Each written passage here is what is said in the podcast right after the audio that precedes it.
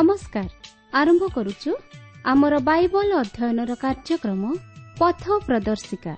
ପବିତ୍ର ବାଇବଲ କହେ କାରଣ ପାପର ବେତନ ମୃତ୍ୟୁ କିନ୍ତୁ ଈଶ୍ୱରଙ୍କ ଅନୁଗ୍ରହ ଦାନ ଆମ୍ଭମାନଙ୍କର ପ୍ରଭୁ ଖ୍ରୀଷ୍ଟ ଯୀଶୁଙ୍କ ସହଭାଗିତାରେ ଅନନ୍ତ ଜୀବନ ଅଟେ।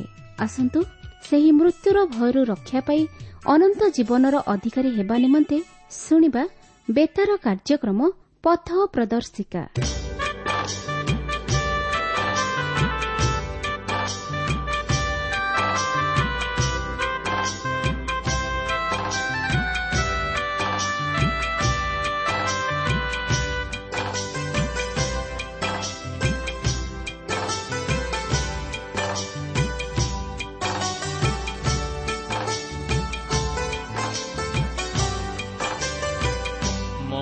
ଜୀବନ ପାଣିର ଫଟୋ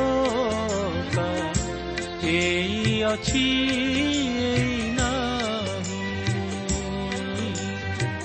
ତଥାପି କାହିଁକି ସିଏ ତ ବୁଝେ ତଥାପି କାହିଁକି ସିଏ ତ ବୁଝେ ନା? ପ୍ରଭୁ ଏକା ତାର ମଣିଷ ଜୀବନ ପାଣିର ଫଟୋ ଏଇ ଅଛି।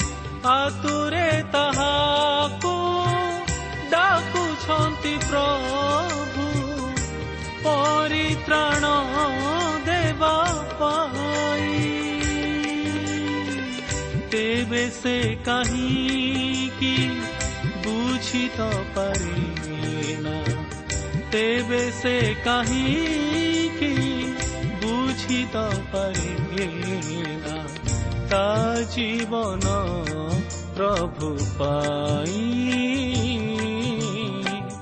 ମଣିଷ ଜୀବନ ପାଣିର ଫଟୋ ଏଇ ଅଛି ନା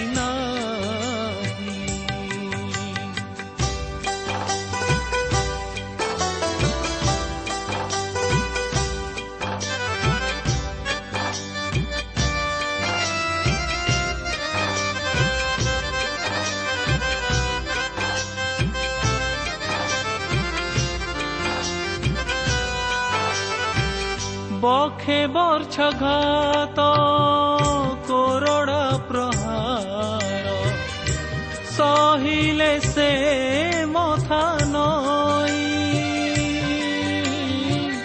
सरीर अटा तंका प्रूसे चाड़ी पापी मोणी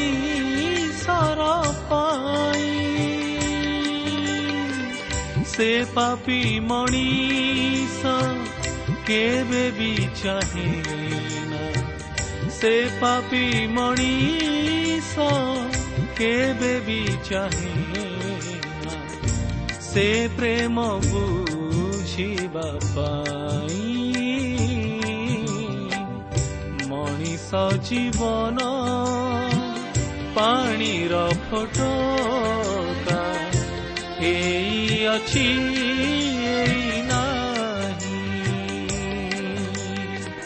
ତଥାପି କାହିଁକି ସିଏ ତ ବୁଝେ ନା ତଥାପି କାହିଁକି ସିଏ ତ ବୁଝେ ନା ପ୍ରଭୁ ଏକା ତାର ପାଇଁ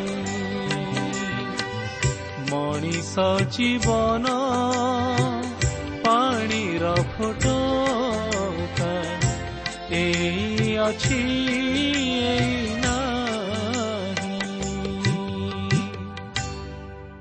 ପ୍ରିୟ ଶ୍ରୋତା ବନ୍ଧୁ ଆଜିର ଏହି ଶୁଭ ଅବସରରେ ଆମମାନଙ୍କର ସୃଷ୍ଟିକର୍ତ୍ତା ତଥା ଉଦ୍ଧାରକର୍ତ୍ତା ପ୍ରଭୁ ଯୀଶୁଖ୍ରୀଷ୍ଟଙ୍କ ବହୁମୂଲ୍ୟ ନାମରେ ଶୁଭେଚ୍ଛା ଜଣାଇ ଆଜିର ଏହି ପଥ ପ୍ରଦର୍ଶିକା କାର୍ଯ୍ୟକ୍ରମରେ ହେବା ନିମନ୍ତେ ଆପଣଙ୍କୁ ସ୍ୱାଗତ ଜଣାଏ। ଆପଣଙ୍କର ସହଯୋଗ ତଥା ମତାମତ ନିମନ୍ତେ ବିଶେଷ ଧନ୍ୟବାଦ। ପ୍ରଭୁ ଯୀଶୁ ଯେ ଆପଣଙ୍କର ପାରିବାରିକ ସମସ୍ୟା ସମାଧାନ କରିଅଛନ୍ତି ଓ ସେ ଯେ ଆପଣଙ୍କୁ ସୁସ୍ଥତା ଦେଇଅଛନ୍ତି ତାହା ଜାଣି ଆମେ ପ୍ରଭୁ ଯୀଶୁଙ୍କୁ ଧନ୍ୟବାଦ ଦେଉ। ବାସ୍ତବରେ ଯେଉଁମାନେ ପ୍ରଭୁ ଯୀଶୁଙ୍କଠାରେ ବିଶ୍ୱାସ କରନ୍ତି ସେ ସେମାନଙ୍କୁ କେବେ ହେଲେ ନିରାଶ କରନ୍ତି ନାହିଁ। କାରଣ ସେ ପ୍ରତିଜ୍ଞାରେ ବିଶ୍ୱସ୍ତ ପରମେଶ୍ୱର। କିନ୍ତୁ ଆମମାନଙ୍କର ବିଶ୍ୱାସ ରହିବା ଆବଶ୍ୟକ। ଆସନ୍ତୁ ତାହେଲେ ପ୍ରଭୁଙ୍କର ବାକ୍ୟ ମଧ୍ୟକୁ ଯିବା ପୂର୍ବରୁ ସଂକ୍ଷେପରେ ପ୍ରାର୍ଥନା କରିବା। ପବିତ୍ର ପ୍ରଭୁ ତୁମର ଜୀବନ୍ତ ବାକ୍ୟ ନିମନ୍ତେ ତୁମର ସତ୍ୟ ବାକ୍ୟ ନିମନ୍ତେ ତୁମର ଧନ୍ୟବାଦ କରୁଅଛ। ହଁ ପ୍ରଭୁ ଯେଉଁମାନେ ଏହି ବାକ୍ୟ ମଧ୍ୟ ଦେଇ ତୁମର ନିକଟବର୍ତ୍ତୀ ହୁଅନ୍ତି ସେମାନେ ଆଶୀର୍ବାଦର ଅଧିକାରୀ ହୁଅନ୍ତି। ସେମାନେ ଉଦ୍ଧାରପ୍ରାପ୍ତ ହୁଅନ୍ତି ସେମାନେ ଅନନ୍ତ ଜୀବନର ଅଧିକାରୀ ହୁଅନ୍ତି। ସେମାନେ ସେମାନଙ୍କ ଜୀବନରେ ଶାନ୍ତି ଆନନ୍ଦ ଓ ତୃପ୍ତି ଉପଲବ୍ଧି କରନ୍ତି। ହଁ ପ୍ରଭୁ ଆଜି ମଧ୍ୟ ଆମେ ସେହି ଶାନ୍ତି ସେହି ଆନନ୍ଦ ପାଇବା ପାଇଁ ତୁମ ନିକଟକୁ ଆସିଅଛ। ତୁମର ବାକ୍ୟ ମଧ୍ୟ ଦେଇ ତୁମେ ଆମମାନଙ୍କ ସହିତ କଥା କୁହ। ପ୍ରତ୍ୟେକ ଶ୍ରୋତାବନ୍ଧୁମାନଙ୍କର ସମସ୍ୟା ଦୁଃଖ ଦୂର କରି ତୁମର ସ୍ୱର୍ଗୀୟ ଶାନ୍ତି ଆନନ୍ଦରେ ପ୍ରଭୁ ତୁମେ ପ୍ରତ୍ୟେକଙ୍କୁ ପରିପୂର୍ଣ୍ଣ କର। ପ୍ରତ୍ୟେକଙ୍କର ସହିତ ପରମେଶ୍ୱର ତୁମେ ହୁଅ। ଏହି ସମସ୍ତ ପ୍ରାର୍ଥନା ଆମମାନଙ୍କର ଉଦ୍ଧାରକର୍ତ୍ତା ଜୀବିତ ପୁନରୁଦ୍ଧିତ ପ୍ରିୟ ପ୍ରଭୁ ଯୀଶୁଙ୍କ ନାମରେ ଏହି ଅଳ୍ପ ଭିକ୍ଷା ମାଗୁଅଛୁ।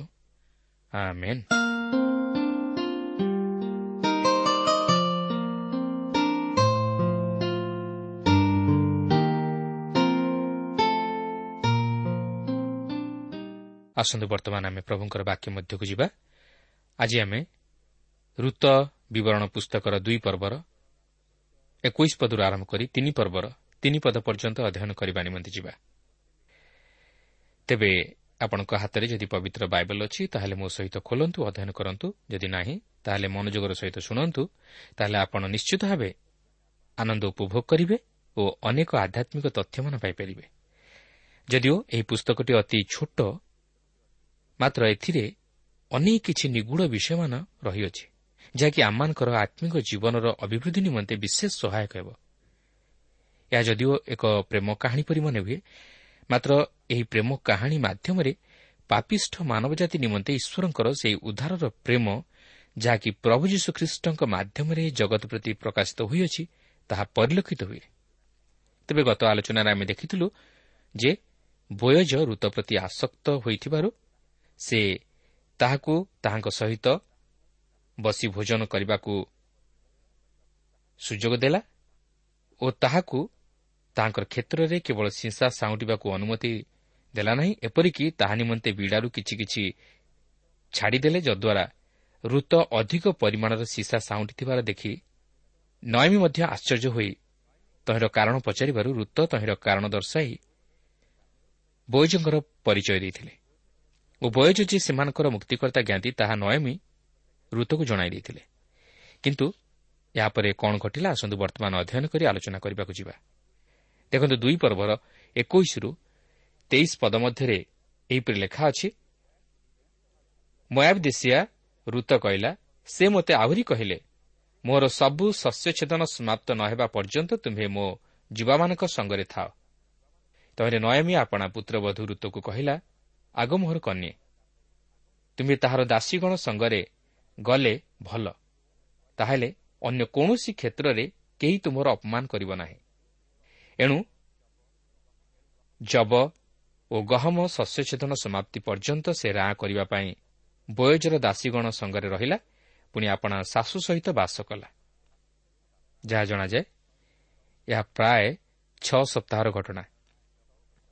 କାରଣ ଏହି ଜବ ଓ ଗହମ ଅମଳର ସମୟ ପ୍ରାୟ ଛଅ ସପ୍ତାହ ଧରି ଲାଗି ରହୁଥିଲା। ତେଣୁ ଆପଣ ଅନୁମାନ କରିପାରୁଥିବେ ଯେ ବୟଜ ଓ ଋତ ଏହିପରି ଭାବରେ ପ୍ରତିଦିନ ପରସ୍ପରକୁ ଦେଖୁଥିବେ ଓ ଋତ ସେହିପରି ବୟଜଠାରୁ ସାହାଯ୍ୟ ତଥା ସହାନୁଭୂତି ପାଉଥିବ। ଓ ଋତ ପ୍ରତି ବୟଜଙ୍କର ପ୍ରେମ ତଥା ଆସକ୍ତି ଦିନକୁ ଦିନ ବୃଦ୍ଧି ପାଇବାରେ ଲାଗିଥିବ। ସେହି ବୈଥିଲିମ୍ର ନଗରବାସୀ ପରସ୍ପର ମଧ୍ୟରେ ଫୁସୁରୁ ଫାସର ଟୁପୁରୁ ଟାପର ହେଉଥିବେ ଓ କହୁଥିବେ ଦେଖିଲଣି? ବୟଜ ଋତୁକୁ କେମିତି ପ୍ରେମ କଲାଣି? ଆଉ ମୁଁ ଭାବୁଛି ଯେ ନୟମୀ ମଧ୍ୟ ଏହି ବିଷୟ ଜାଣିପାରିଥିବ ଓ ସେ ମଧ୍ୟ ବୟୋଜର ଋତ ସହିତ ଯିବା ଆସିବା କଥାବାର୍ତ୍ତା କରିବାର ବିଷୟ ଝରକା ବାଟେ ଥାଇ ଲକ୍ଷ୍ୟ କରୁଥିବ। ତେଣୁ ସେ ମଧ୍ୟ ଏହିସବୁକୁ ଦେଖି ଏହାର ସମାଧାନ ନିମନ୍ତେ କିଛି ଉପାୟ ସ୍ଥିର କରିବାକୁ ଯାଉଛନ୍ତି। କାରଣ ଯଦିଓ ବୟୋଜ ଋତ ପ୍ରତି ଆସକ୍ତ ହୋଇଥିଲେ ଓ ତାହାକୁ ପ୍ରେମ କରୁଥିଲେ ମାତ୍ର ଋତ ସେତେ ଦୂର ବୟୋଜଙ୍କ ପ୍ରତି ମନ ଦେଇନଥିଲେ କାରଣ ଋତର ପରିସ୍ଥିତି ଓ ତାହାର ପାରିବାରିକ ସ୍ଥିତି ଭିନ୍ନ ପ୍ରକାରର ଥିଲା ଓ ସେ ମଧ୍ୟ ଏକ ସ୍ୱତନ୍ତ୍ର ଧରଣର ସ୍ତ୍ରୀ ଥିଲା। କିନ୍ତୁ ବୟୋଜ ଋତୁକୁ ପ୍ରେମ କରୁଥିଲେ ଓ ତାହାକୁ ଉଦ୍ଧାର କରିବାକୁ ଚାହୁଁଥିଲେ। ବାସ୍ତବରେ ଏହିପରି ଏକ ଉଦ୍ଧାରକର୍ତ୍ତାଙ୍କୁ ପାଇବା ଚମତ୍କାର ବିଷୟ। ଯିଏକି ଆମମାନଙ୍କୁ ପ୍ରେମ କରନ୍ତି ଯିଏକି ଦୁଇ ହଜାର ବର୍ଷ ପୂର୍ବରୁ ଏହି ଜଗତକୁ ଆଗମନ କରିଥିଲେ ଯେପରି ସେ ଆମମାନଙ୍କୁ ପାପରୁ ଉଦ୍ଧାର କରିପାରନ୍ତି। କିନ୍ତୁ ଆମେ କ'ଣ ସେହି ଉଦ୍ଧାରକର୍ତ୍ତାଙ୍କୁ ପ୍ରେମ କରୁ କି? ଆମେ କ'ଣ ତାହାଙ୍କୁ ଚାହୁଁ କି? କିନ୍ତୁ ତାଙ୍କ ବିନା ଆମମାନଙ୍କର ଅନ୍ୟ ଗତି ନାହିଁ। ସେଥିପାଇଁ ପ୍ରେରିତ ଚାରିପର୍ବର ବାରପଦରେ ଲେଖା ଅଛି ତାହାଙ୍କ ଛଡ଼ା ଆଉ କାହାଠାରେ ପରିଚାଳନା ନାହିଁ କାରଣ ଯାହାଦ୍ୱାରା ଆମମାନଙ୍କୁ ପରିଚାଳନା ପାଇବାକୁ ହେବ ଆକାଶ ତଳେ ମନୁଷ୍ୟମାନଙ୍କ ମଧ୍ୟରେ ଆଉ କୌଣସି ନାମ ଦିଆଯାଇ ନାହିଁ ତେବେ ଏହିଠାରେ ଆମେ ଦୁଇ ପର୍ବଟି ଅଧ୍ୟୟନ କରି ସମାପ୍ତ କଲୁ ମାତ୍ର ଏହାପରେ ଆମେ ତିନି ପର୍ବ ମଧ୍ୟକୁ ଯିବା। ଏହି ତିନି ପର୍ବରେ ବୟୋଜର ଖଳାରେ ଯେଉଁ ସମସ୍ତ ଘଟଣା ଘଟିଲା ତାହା ଲକ୍ଷ୍ୟ କରିବାକୁ ଯିବା। ଆସନ୍ତୁ ବର୍ତ୍ତମାନ ବୟୋଜଙ୍କର ସେହି ଖଳାକୁ ଆମର ଚିନ୍ତାଧାରାକୁ ନେଇଯିବା ଯେଉଁଠାରେ ବୟୋଜ ଓ ଋତଙ୍କ ମଧ୍ୟରେ ଏକ ଭାବର ଆଦାନ ପ୍ରଦାନ ହୋଇଥିଲା। କିନ୍ତୁ ଏଥିପୂର୍ବରୁ ଆମେ ଅଧ୍ୟୟନ କରି ଦେଖିଛୁ ଯେ ବୟୋଜ ଋତକୁ ଭଲ ପାଉଥିଲେ ଓ ତାହାକୁ ପ୍ରେମ କରୁଥିଲେ। ମାତ୍ର ଋତ ତାହାଙ୍କ ପ୍ରତି ଯାହା କରିବା ଉଚିତ ଥିଲା ତାହା ସେ କରିନଥିଲେ ତେଣୁକରି ନୟମୀ ବର୍ତ୍ତମାନ ଋତଙ୍କ ତରଫରୁ ଋତଙ୍କ ନିମନ୍ତେ ସେହି କାର୍ଯ୍ୟ ସାଧନ କରିବା ପାଇଁ ଯାଉଅଛନ୍ତି। ମୁଁ ଭାବୁଛି ନୟମୀ ଏହି ପ୍ରକାର କାର୍ଯ୍ୟ କରିବାରେ ବିଶେଷ ଅନୁଭୂତି ସମ୍ପନ୍ନା ଥିଲେ ଏବଂ ଏହି ପର୍ବରେ ଯାହା କିଛି ଘଟିବାକୁ ଯାଉଅଛି ତାହା ଜାଣିବା ପୂର୍ବରୁ ମୁଁ ଭାବୁଛି ମୂଷାଙ୍କ ବ୍ୟବସ୍ଥା ମଧ୍ୟରୁ ଯେଉଁ ତୃତୀୟ ବ୍ୟବସ୍ଥାଟି ଏହି ପର୍ବରେ କାର୍ଯ୍ୟକାରୀ ହେବାକୁ ଯାଉଅଛି ତାହା ଜାଣିବା ବିଶେଷ ଗୁରୁତ୍ୱପୂର୍ଣ୍ଣ ବିଷୟ। ହୋଇପାରେ ଏହି ବ୍ୟବସ୍ଥା ଆମମାନଙ୍କୁ ଏକ ଅଦ୍ଭୁତ ବ୍ୟବସ୍ଥା ପରି ଲାଗିପାରେ। ଓ ଏହି ବ୍ୟବସ୍ଥା ବର୍ତ୍ତମାନ ସମୟ ନିମନ୍ତେ ସେତେ ଦୂର ପ୍ରଯୁଜ୍ୟ ହୋଇନପାରେ ମାତ୍ର ସେହି ସମୟ ନିମନ୍ତେ ଏହି ବ୍ୟବସ୍ଥା ବିଶେଷ କାର୍ଯ୍ୟକାରୀ ହୋଇଥିଲା। ତେବେ ଏହି ପୁସ୍ତକରେ ଆମେ ଏଥିପୂର୍ବରୁ ମୋଷାଙ୍କ ବ୍ୟବସ୍ଥା ମଧ୍ୟରୁ ଦୁଇଟି ବ୍ୟବସ୍ଥା କାର୍ଯ୍ୟକାରୀ ହେବାର ଲକ୍ଷ୍ୟ କରିସାରିଛୁ କିନ୍ତୁ ବର୍ତ୍ତମାନ ମୁଁ ଆପଣଙ୍କୁ ତୃତୀୟ ବ୍ୟବସ୍ଥା ସହିତ ପରିଚିତ କରାଇଦେବାକୁ ଚାହେଁ ଏବଂ ଆମେ ସେହି ସମୟର ସେହି ଖଳାର ତାତ୍ପର୍ଯ୍ୟ ମଧ୍ୟ ବୁଝିବା ବିଶେଷ ଆବଶ୍ୟକ। ତେବେ ଏହି ତୃତୀୟ ବ୍ୟବସ୍ଥାଟି ଏହିପରି ଯାହାକି ଦ୍ୱିତୀୟ ବିବରଣ ପଚିଶ ପର୍ବର ପାଞ୍ଚ ପଦରୁ ନଅ ପଦ ମଧ୍ୟରେ ଲେଖା ଅଛି। ଆପଣ ଭାବୁଥିବେ ଯେ ଏହା ଏକ ଅସମ୍ଭବ ପ୍ରକାର ବ୍ୟବସ୍ଥା। କିନ୍ତୁ ଏହା କାର୍ଯ୍ୟକାରୀ ହୋଇଥିବାର ଆମେ ଲକ୍ଷ୍ୟ କରୁ। ଏହି ବ୍ୟବସ୍ଥା ଋତ ନିମନ୍ତେ ପ୍ରଯୁଜ୍ୟ ଥିଲା। ଏହି ବ୍ୟବସ୍ଥା ଅନୁଯାୟୀ ଜଣେ ସନ୍ତାନହୀନା ବିଧବା ସ୍ତ୍ରୀ ତାହାର ସ୍ୱାମୀର ଭାଇମାନଙ୍କ ମଧ୍ୟରୁ କାହାକୁ ନିଜର ସ୍ୱାମୀ ରୂପେ ଗ୍ରହଣ କରିପାରିବ ଓ ତାହାର ସ୍ୱାମୀର ଭାଇ ମଧ୍ୟ ତାହାକୁ ଭାର୍ଯ୍ୟା ରୂପେ ଗ୍ରହଣ କରିବାକୁ ଇଚ୍ଛୁକ ହେବା ଆବଶ୍ୟକ। ଯଦି ସେ ତାହା ନ କରେ ତାହେଲେ ତହିଁ ନିମନ୍ତେ ସେ ଉତ୍ତରଦାୟୀ ହେବ। ତେବେ ଏହା ଏକ ଅଦ୍ଭୁତ ବ୍ୟବସ୍ଥା ପରି ମନେ ହୁଏ। କିନ୍ତୁ ଈଶ୍ୱର ସେହିପରି ବ୍ୟବସ୍ଥା ନିରୂପଣ କରିବା ପଛରେ କେତେକ ମୁଖ୍ୟ କାରଣ ମଧ୍ୟ ଥିଲା। ପ୍ରଥମତଃ ସେ ଏହିପରି ବ୍ୟବସ୍ଥା ପ୍ରଦାନ କରିବାର କାରଣ ହେଉଛି ଯେ ସେ ନାରୀ ଜାତିକୁ ସୁରକ୍ଷା ଦେବାକୁ ଚାହିଁଥିଲେ। କାରଣ ଜଣେ ସ୍ତ୍ରୀ ସ୍ୱାମୀ ବିହୀନା ହୋଇ ବୈଧବ୍ୟ ଅବସ୍ଥାରେ ଜୀବନ ବିତାଇବା ଓ ଗୃହର ସମସ୍ତ ଦାୟିତ୍ୱ ବହନ କରିବା ଓ ବଂଶରକ୍ଷା କରିବା ସହଜ ବିଷୟ ନୁହେଁ। ତେଣୁକରି ଈଶ୍ୱର ଏହିପରି ବ୍ୟବସ୍ଥା ନିରୂପଣ କରିଥିଲେ ଯେପରି ଏକ ସନ୍ତାନହୀନା ବିଧବା ସ୍ତ୍ରୀ ନିଜ ସ୍ୱାମୀର ବଂଶ ମଧ୍ୟରୁ କୌଣସି ଅବିବାହିତା ପୁରୁଷକୁ ବିବାହ କରି ନିଜର ବଂଶ ରକ୍ଷା କରିବା ସଙ୍ଗେ ସଙ୍ଗେ ନିଜର ପରିବାରକୁ ପ୍ରତିପାଳନ କରିପାରିବ। ଦ୍ୱିତୀୟ କାରଣଟି ହେଉଛି ଈଶ୍ୱର ଭୂମି ସଂକ୍ରାନ୍ତୀୟ ଅଧିକାରକୁ ସୁଦୃଢ଼ କରିବା ପାଇଁ ଏହିପରି ବ୍ୟବସ୍ଥା ପ୍ରଣୟନ କରିଥିଲେ। ଈଶ୍ୱର କେବଳ ଇସ୍ରାଏଲ୍ ସନ୍ତାନଗଣକୁ ସେହି ପାଲେଷ୍ଟାଇନ୍ ଦେଶ ସେମାନଙ୍କର ଅଧିକାର ସ୍ୱରୂପ ଦେଲେ ନାହିଁ। ଏଥିସହିତ ସେ ପ୍ରତ୍ୟେକ ଗୋଷ୍ଠୀକୁ ଏକ ଏକ ନିର୍ଦ୍ଦିଷ୍ଟ ଅଂଶ ଦେଲେ ଓ ସେହି ପ୍ରତ୍ୟେକ ଗୋଷ୍ଠୀର ପ୍ରତ୍ୟେକ ପରିବାରକୁ ମଧ୍ୟ ଏକ ଏକ ନିର୍ଦ୍ଦିଷ୍ଟ ଭାଗ ଦେଲେ। ପ୍ରତ୍ୟେକ ପରିବାର ସେମାନଙ୍କ ନିଜର ଅଂଶ ପାଇଥିଲେ। ତେବେ ଆମେ ଏଥିପୂର୍ବରୁ ଦେଖିସାରିଛୁ ଯେ ଏକ ପରିବାର ନିଜର ଭୂମି ହରାଇ ପାରନ୍ତି ମାତ୍ର ସେହି ଜୋବେଲ ବା ଜୁବଲି ବର୍ଷରେ ସେହି ଜମିକୁ ତାହାର ସ୍ୱତ୍ୱାଧିକାରୀକୁ ଫେରାଇ ଦିଆଯିବାକୁ ଥିଲା। ତେବେ ସେ ଯାହା ହେଉନା କାହିଁକି ଜଣେ ବିଧବା ହୁଏତ ମଣ୍ଡଳୀ ମଧ୍ୟରୁ ବାହାରିଯାଇ ଜଣେ ବିଦେଶୀୟକୁ ବିବାହ କରିପାରେ ଯେ କି ସେହି ଜମିର ଅଧିକାରୀ ହୋଇପାରେ।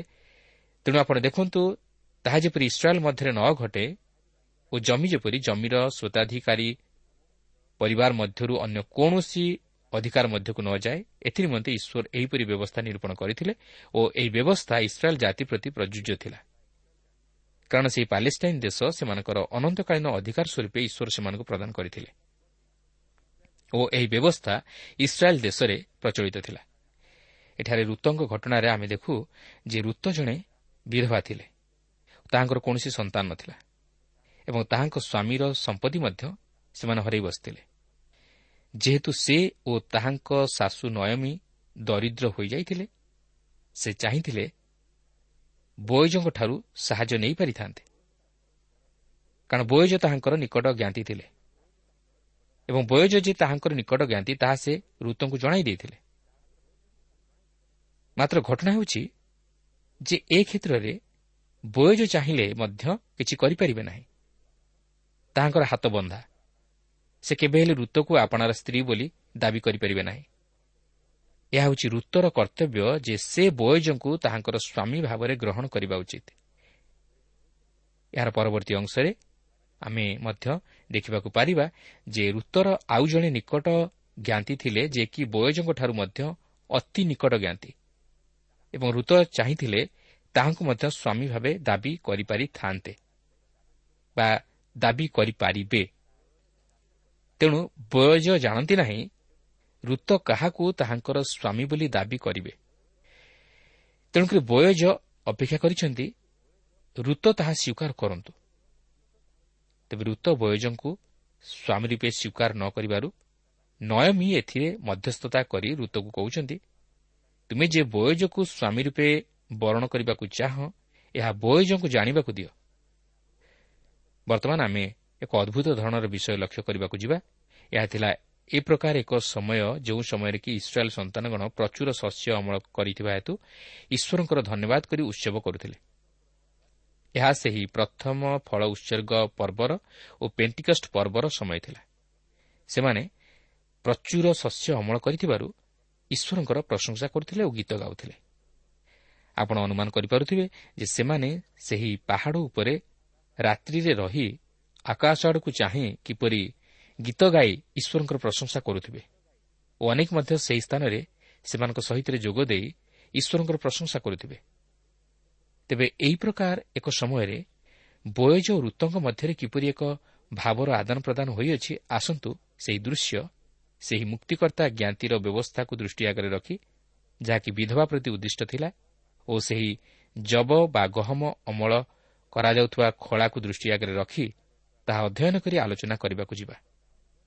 ଦେଖନ୍ତୁ ତିନି ପର୍ବର ପ୍ରଥମ ପଦରେ ଏହିପରି ଲେଖା ଅଛି ଏଥିଉତାରେ ତାହାର ଶାଶୁ ନୟମୀ ତାହାକୁ କହିଲା ଆଗ ମୋହର କନ୍ୟା ଜହିଁରେ ତୁମ୍ଭର ମଙ୍ଗଳ ହେବ। ଏପରି ଆଶ୍ରୟସ୍ଥାନ ମୁଁ କି ତୁମ ପାଇଁ ଚେଷ୍ଟା କରିବି ନାହିଁ? ଦେଖନ୍ତୁ ନୟମୀ ବର୍ତ୍ତମାନ ସେହି ମଧ୍ୟସ୍ଥତାର କାମ କରିବାକୁ ଯାଉଛି।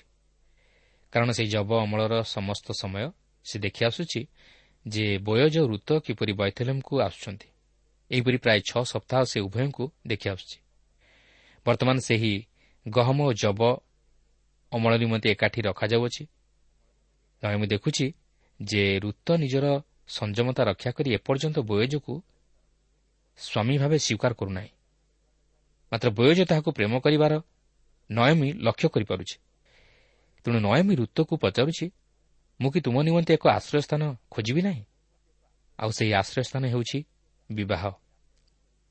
ଅନ୍ୟ ଅର୍ଥରେ କହିବାକୁ ଗଲେ ନୟମୀ ଋତୁକୁ ପଚାରୁଛି ମୁଁ କି ତୁମ ନିମନ୍ତେ ଏକ ବିବାହର ଆୟୋଜନ କରିବି ନାହିଁ?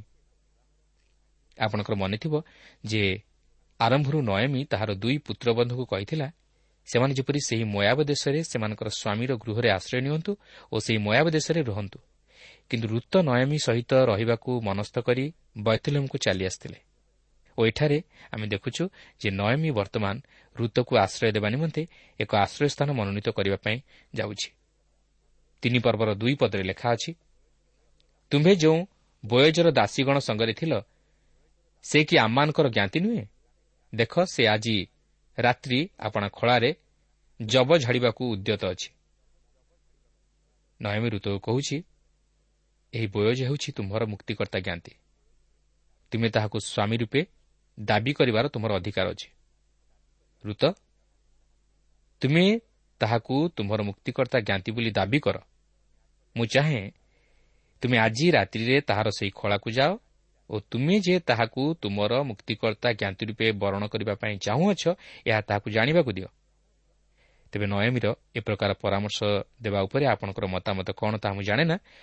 ମାତ୍ର ସେହି ସମୟର ପରିସ୍ଥିତି ତଥା ପାରିବାରିକ ସମସ୍ୟା ଓ ଈଶ୍ୱରଙ୍କ ବ୍ୟବସ୍ଥା ଅନୁଯାୟୀ ନୟମୀର ଏ ପ୍ରକାର ପରାମର୍ଶ ଯୁକ୍ତିଯୁକ୍ତ ଥିଲା ବା ନ୍ୟାୟସଙ୍ଗତ ଥିଲା। ତିନି ପର୍ବର ତିନି ପଦରେ ଲେଖା ଅଛି ଏଣୁ ତୁମ୍ଭେ ଏବେ ସ୍ନାନ କର ଓ ତୈଳ ମର୍ଦ୍ଦନ କର ଓ ଆପଣା ଉତ୍ତମ ବସ୍ତ୍ର ପରିଧାନ କରି ସେହି ଖଳାକୁ ଯାଅ। ମାତ୍ର ସେ ମନୁଷ୍ୟ ଭୋଜନପାନ ନ ସାରିବା ପର୍ଯ୍ୟନ୍ତ ତାହାକୁ ଆପଣାର ପରିଚୟ ଦିଅ ନାହିଁ। ନୟମୀ ଋତୁକୁ କହନ୍ତି ସେହି ଉତ୍ସବ ସମାପ୍ତ ହେବା ପର୍ଯ୍ୟନ୍ତ ଅପେକ୍ଷା କର ନୟମୀ ଆହୁରି କହନ୍ତି ତୁମେ ତାହାଙ୍କୁ ତୁମର ମୁକ୍ତିକର୍ତ୍ତା ଜ୍ଞାତି ରୂପେ ଦାବି କରିବା ତୁମ ଉପରେ ନିର୍ଭର କରେ। କାରଣ ଋତ ଏପର୍ଯ୍ୟନ୍ତ ବୟୋଜଙ୍କୁ ନିଜର ମୁକ୍ତିକର୍ତ୍ତା ଜ୍ଞାତି ରୂପେ ସ୍ୱୀକାର କରିବା ପରି କିଛି କାମ କରିନାହାନ୍ତି। ତେଣୁ ନୟମୀ ତାହାକୁ କେତେକ ଉପଦେଶ ଦିଅନ୍ତି। ସେ ଚାରୋଟି ବିଷୟ କରିବା ନିମନ୍ତେ କହନ୍ତି ଯାହାକି ଜଣେ ପାପି ପ୍ରଭୁ ଯୀଶୁଖ୍ରୀଷ୍ଟଙ୍କ ନିକଟକୁ କିପରି ଆସିବାକୁ ହୁଏ ତହିଁରେ ଏକ ଛବି ପ୍ରଦାନ କରେ। କାରଣ ଏହି ଚାରୋଟି ବିଷୟ ସାଧନ କରିବା ଜଣେ ପାପିର ନିମନ୍ତେ ବିଶେଷ ଆବଶ୍ୟକ ଯେତେବେଳେ କି ସେ ଖ୍ରୀଷ୍ଟଙ୍କର ନିକଟବର୍ତ୍ତୀ ହୁଏ। ପ୍ରଥମ ବିଷୟ ହେଉଛି ଯାହାକି ନୟମୀ ଋତୁକୁ ସାଧନ କରିବା ପାଇଁ କହନ୍ତି ତୁମ୍ଭେ ଏବେ ସ୍ନାନ କର। କାରଣ ସ୍ନାନ କରିବା ଦ୍ୱାରା ମନୁଷ୍ୟ ଶରୀରରୁ ସମସ୍ତ ଦୁର୍ଗନ୍ଧ ଓ ଅପବିତ୍ରତା ଦୂର ହୋଇଯାଇଥାଏ। କିନ୍ତୁ ଏହାର ଏକ ତାତ୍ପର୍ଯ୍ୟ ମଧ୍ୟ ରହିଅଛି। ଏହା ଆତ୍ମିକ ସୂଚୀକରଣ ବା ପବିତ୍ରତାକୁ ଦର୍ଶାଏ। କାରଣ ଆପଣ ଓ ମୁଁ ଆମେ ଯେତେବେଳେ ଖ୍ରୀଷ୍ଟଙ୍କ ନିକଟବର୍ତ୍ତୀ ହେଉ ସେତେବେଳେ ଆମକୁ ସୂଚୀ ହେବାକୁ ପଡ଼ିଥାଏ। ସେଥିପାଇଁ ତିତୋଷ ତିନି ପର୍ବର ପାଞ୍ଚ ପଦରେ ଲେଖା ଅଛି ସେତେବେଳେ ସେ ଆମମାନଙ୍କ କୃତ ଧର୍ମକର୍ମ ସକାଶେ ନୁହେଁ ମାତ୍ର ଆପଣାର ଦୟାନୁସାରେ ପୁନର୍ଜନ୍ମର ପ୍ରକ୍ଷାଳନ ଓ ପବିତ୍ର ଆତ୍ମାଙ୍କ ନୂତନୀକରଣ ଦ୍ୱାରା ଆମମାନଙ୍କୁ ପରିତାଣ କରିଅଛନ୍ତି। ସେଥିପାଇଁ ପ୍ରଭୁ ଯୀଶୁ ନିକଦିମକୁ କହନ୍ତି ନିକଦିମ ପୁନର୍ବାର ଜନ୍ମ ନ ହେଲେ କେହି ଈଶ୍ୱରଙ୍କ ରାଜ୍ୟ ଦେଖିପାରେ ନାହିଁ।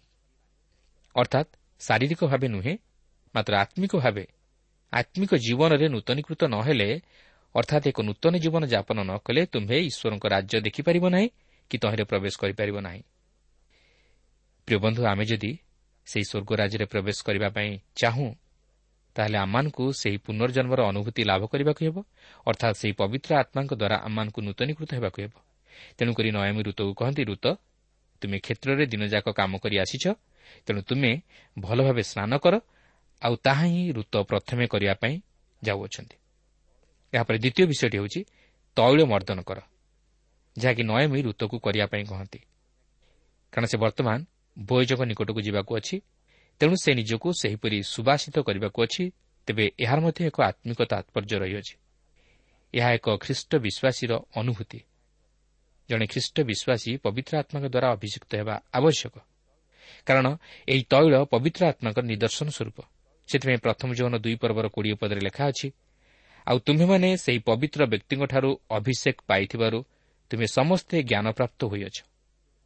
ତେଣୁ ସେହି ସ୍ୱର୍ଗୀୟ ସତ୍ୟତାକୁ ଜାଣିବା ନିମନ୍ତେ ଆମ୍ଭେମାନେ ପବିତ୍ର ଆତ୍ମାଙ୍କ ଦ୍ୱାରା ଅଭିଯୁକ୍ତ ହେବାକୁ ହେବ। ତାହା ହେଉଛି ଈଶ୍ୱରଙ୍କ ଆତ୍ମା ଯିଏକି ଆମମାନଙ୍କୁ ସମସ୍ତ ସତ୍ୟତା ବିଷୟରେ ଜ୍ଞାତ କରାଇବେ ଏବଂ ଆମେ ପ୍ରତ୍ୟେକ ସେହି ପବିତ୍ର ଆତ୍ମାଙ୍କର ଶିକ୍ଷା ଆବଶ୍ୟକ କରୁ ତଦ୍ୱାରା ଆମେ ଈଶ୍ୱରଙ୍କ ବାକ୍ୟର ସତ୍ୟତାକୁ ବୁଝିବା ନିମନ୍ତେ ସମର୍ଥ ହୋଇପାରିବା। ତୃତୀୟ ବିଷୟଟି ହେଉଛି ଆପଣା ଉତ୍ତମ ବସ୍ତ୍ର ପରିଧାନ କର। ଯାହାକି ଋତୁଙ୍କୁ ପରିଧାନ କରିବାକୁ ଥିଲା କାରଣ ତାହା ନିତାନ୍ତ ଆବଶ୍ୟକ। ତାହା ନାରୀର ସୌନ୍ଦର୍ଯ୍ୟକୁ ବଢ଼ାଏ। ଆଉ ମୁଁ ଭାବୁଛି ନୟମୀ ତାହାକୁ ଏକ ସୁନ୍ଦର ବସ୍ତ୍ରଟିଏ ଦେଇଥିବ ପିନ୍ଧିବା ପାଇଁ ଯେପରି ଋତ ଅତି ସୁନ୍ଦରୀ ଦେଖାଯିବେ। ହୋଇପାରେ ଋତର ମନଲାଖି ବସ୍ତ୍ରଟିଏ ଋତୁକୁ ପିନ୍ଧିବାକୁ ଦେଇଥିବ। ଏହାର ମଧ୍ୟ ଏକ ଆତ୍ମିକ ଭାବ ରହିଅଛି ଓ ଏହା ଜଣେ ଖ୍ରୀଷ୍ଟ ବିଶ୍ୱାସୀ ନିମନ୍ତେ ତୃତୀୟ ପଦକ୍ଷେପ। କାରଣ ଏହି ବସ୍ତ୍ର ଖ୍ରୀଷ୍ଟଙ୍କର ଧାର୍ମିକତା ରୂପ ବସ୍ତ୍ରର ନିଦର୍ଶନ ସ୍ୱରୂପ। ଯେତେବେଳେ ଆପଣ ଓ ମୁଁ ଆମେ ଖ୍ରୀଷ୍ଟଙ୍କ ନିକଟକୁ ଆସି ତାହାଙ୍କୁ ଆମ ହୃଦୟରେ ବ୍ୟକ୍ତିଗତ ଉଦ୍ଧାରକର୍ତ୍ତା ରୂପେ ଗ୍ରହଣ କରୁ ସେତେବେଳେ ସେ ଆମମାନଙ୍କୁ ତାହାଙ୍କ ଧାର୍ମିକତା ରୂପ ବସ୍ତ୍ରରେ ବସ୍ତ୍ରାନ୍ୱିତ କରନ୍ତି ଓ ସେ ଆମମାନଙ୍କ ଧାର୍ମିକତା ସ୍ୱରୂପ ହୁଅନ୍ତି। ସେ ଯେ କେବଳ ଆମମାନଙ୍କର ପାପ କ୍ଷମା କରନ୍ତି ବା ଆମମାନଙ୍କୁ ଏକ ନୂତନ ଜୀବନ ପ୍ରଦାନ କରନ୍ତି ଓ ଈଶ୍ୱରଙ୍କ ସନ୍ତାନ ରୂପେ ଗ୍ରହଣ କରନ୍ତି ତାହା ନୁହେଁ। ସେ ମଧ୍ୟ ଆମମାନଙ୍କୁ ତାହାଙ୍କ ଧାର୍ମିକତା ରୂପ ବସ୍ତ୍ରରେ ବସ୍ତ୍ରାନ୍ୱିତ କରନ୍ତି। ସେଥିପାଇଁ ରୋମିଓ ତିନି ପର୍ବର ବାଇଶ ପଦରେ ଲେଖା ଅଛି ଅର୍ଥାତ୍ ଈଶ୍ୱରଙ୍କର ଯେଉଁ ଧାର୍ମିକତା ଯୀଶୁଖ୍ରୀଷ୍ଟଙ୍କଠାରେ ବିଶ୍ୱାସ କରିବା ଦ୍ୱାରା ସମସ୍ତ ବିଶ୍ୱାସୀଙ୍କ ପ୍ରତି ବର୍ତ୍ତେ। ପ୍ରିୟ ବନ୍ଧୁ ଆପଣ ମୁଁ ଆମେ କେବେ ହେଲେ ନିଜର ଧର୍ମକର୍ମ ଦ୍ୱାରା ତାହାଙ୍କ ନିକଟରେ ଧାର୍ମିକ ବୋଲି ଗଣିତ ହୋଇପାରିବା ନାହିଁ। କେବଳ ତାହାଙ୍କ ଧାର୍ମିକତା ଦ୍ୱାରା ଆମେ ଧାର୍ମିକ ବୋଲି ଗଣିତ ହୋଇପାରିବା। ସେଥିପାଇଁ ରୋମିଓ ଚାରିପର୍ବର ପଚିଶ ପଦରେ ଲେଖା ଅଛି ସେହି ଯୀଶୁ ଆମମାନଙ୍କ ଅପରାଧ ନିମନ୍ତେ ସମର୍ପିତ ହେଲେ ପୁଣି ଆମ୍ଭେମାନେ ଧାର୍ମିକ ଗଣିତ ହେବା ନିମନ୍ତେ ଉତ୍ଥାପିତ ହେଲେ। ପ୍ରିୟ ବନ୍ଧୁ ସେହି ପ୍ରଭୁ ଯୀଶୁଖ୍ରୀଷ୍ଟ ହେଉଛନ୍ତି ଆମମାନଙ୍କର ଧାର୍ମିକତା ସ୍ୱରୂପ। ଯଦି ଆମେ ତାହାଙ୍କଠାରେ ବିଶ୍ୱାସ କରି ତାହାଙ୍କୁ ନିଜ ହୃଦୟରେ ଗ୍ରହଣ କରୁ ତାହେଲେ ଆମେ ତାହାଙ୍କ ଧାର୍ମିକତା ଦ୍ୱାରା ଧାର୍ମିକ ବୋଲି ଗଣିତ ହୋଇପାରିବା। ଏହାପରେ ନୟମୀ ଚତୁର୍ଥ ବିଷୟଟି ଋତୁକୁ ସାଧନ କରିବା ପାଇଁ କହନ୍ତି ତାହା ହେଉଛି ସେହି ଖଳାକୁ ଯାଅ ଓ ତୁମେ ଯେ ତାହାଙ୍କୁ ତୁମ୍ଭର ମୁକ୍ତିକର୍ତ୍ତା ଜ୍ଞାତି ରୂପେ ଗ୍ରହଣ କରିବା ପାଇଁ ଚାହଁ ଏହା ତାହାଙ୍କୁ ଜାଣିବାକୁ ଦିଅ। ଏହା ହିଁ ହେଉଛି ଜଣେ ଖ୍ରୀଷ୍ଟ ବିଶ୍ୱାସୀର ଜୀବନରେ ଏକ ଗୁରୁତ୍ୱପୂର୍ଣ୍ଣ ପଦକ୍ଷେପ। ସେ ଖ୍ରୀଷ୍ଟଙ୍କର ନିକଟବର୍ତ୍ତୀ ହେବା ସଙ୍ଗେ ସଙ୍ଗେ ତାହାଙ୍କୁ ଉଦ୍ଧାରକର୍ତ୍ତା ରୂପେ ଗ୍ରହଣ କରିବାକୁ ଅଛି ତାହାଙ୍କ ସହ ସଂଯୁକ୍ତ ହେବାକୁ ଅଛି ଓ ତାହାଙ୍କ ସହ ସହଭାଗିତା ସ୍ଥାପନ କରିବାକୁ ଅଛି। ଆଜି କ'ଣ ଆମେ ପ୍ରଭୁ ଯୀଶୁଙ୍କୁ ନିଜ ହୃଦୟରେ ଉଦ୍ଧାରକର୍ତ୍ତା ରୂପେ ଗ୍ରହଣ କରିପାରିଛୁ କି ଯଦି ନାହିଁ ତାହେଲେ ଆଜି ହିଁ ତାହା କରିବା ନିମନ୍ତେ ଚେଷ୍ଟା କରୁ ପ୍ରଭା ପ୍ରତ୍ୟେକଙ୍କୁ ଆଶୀର୍ବାଦ କରନ୍ତୁ।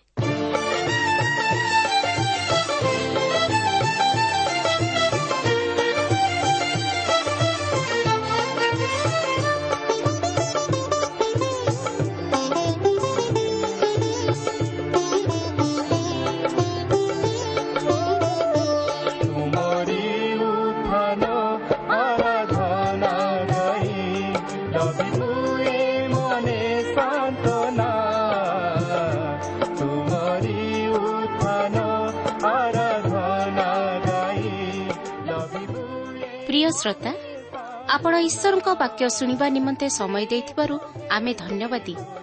ଆପଣ ଯଦି ପ୍ରଭୁ ଯୀଶୁଙ୍କର ବାକ୍ୟ ବିଷୟରେ ଓ ତାହାଙ୍କର ପ୍ରେମ ବିଷୟରେ ଅଧିକ ଜାଣିବାକୁ ଚାହାନ୍ତି ଯାହାକି ଆପଣଙ୍କୁ ପାପରୁ ଉଦ୍ଧାର ପାଇବା ନିମନ୍ତେ ପଥ ଦେଖାଇବ ତାହେଲେ ଆମ ସହିତ ପତ୍ର ମାଧ୍ୟମରେ ଅଥବା ଟେଲିଫୋନ୍ ଯୋଗେ ଯୋଗାଯୋଗ କରନ୍ତୁ। Trans World Radio India post box number ତିନି ତିନି ଭୁବନେଶ୍ୱର ସାତ ପାଞ୍ଚ ଏକ ଶୂନ ଶୂନ ଏକ mobile number nine seven double seven double two one four one five ଠିକଣାଟି ଆଉଥରେ ଶୁଣନ୍ତୁ। ପଥ ପ୍ରଦର୍ଶିକା Trans World radio India post box number three three Bhubaneswar seven five one zero zero one mobile number nine seven double seven double two one four one five ଆମର email ଆଡ୍ରେସ୍ଟି ଲେଖି ରଖନ୍ତୁ Odia TTV at radio eight eight two dot com ତେବେ ଆଜି ପାଇଁ ଏଠାରେ ରଖୁଛୁ। ପ୍ରଭୁ ଯୀଶୁ ଆପଣଙ୍କୁ ଆଶୀର୍ବାଦ କରନ୍ତୁ। ନମସ୍କାର। ମାଟିର ମଣିଷ ମାଟି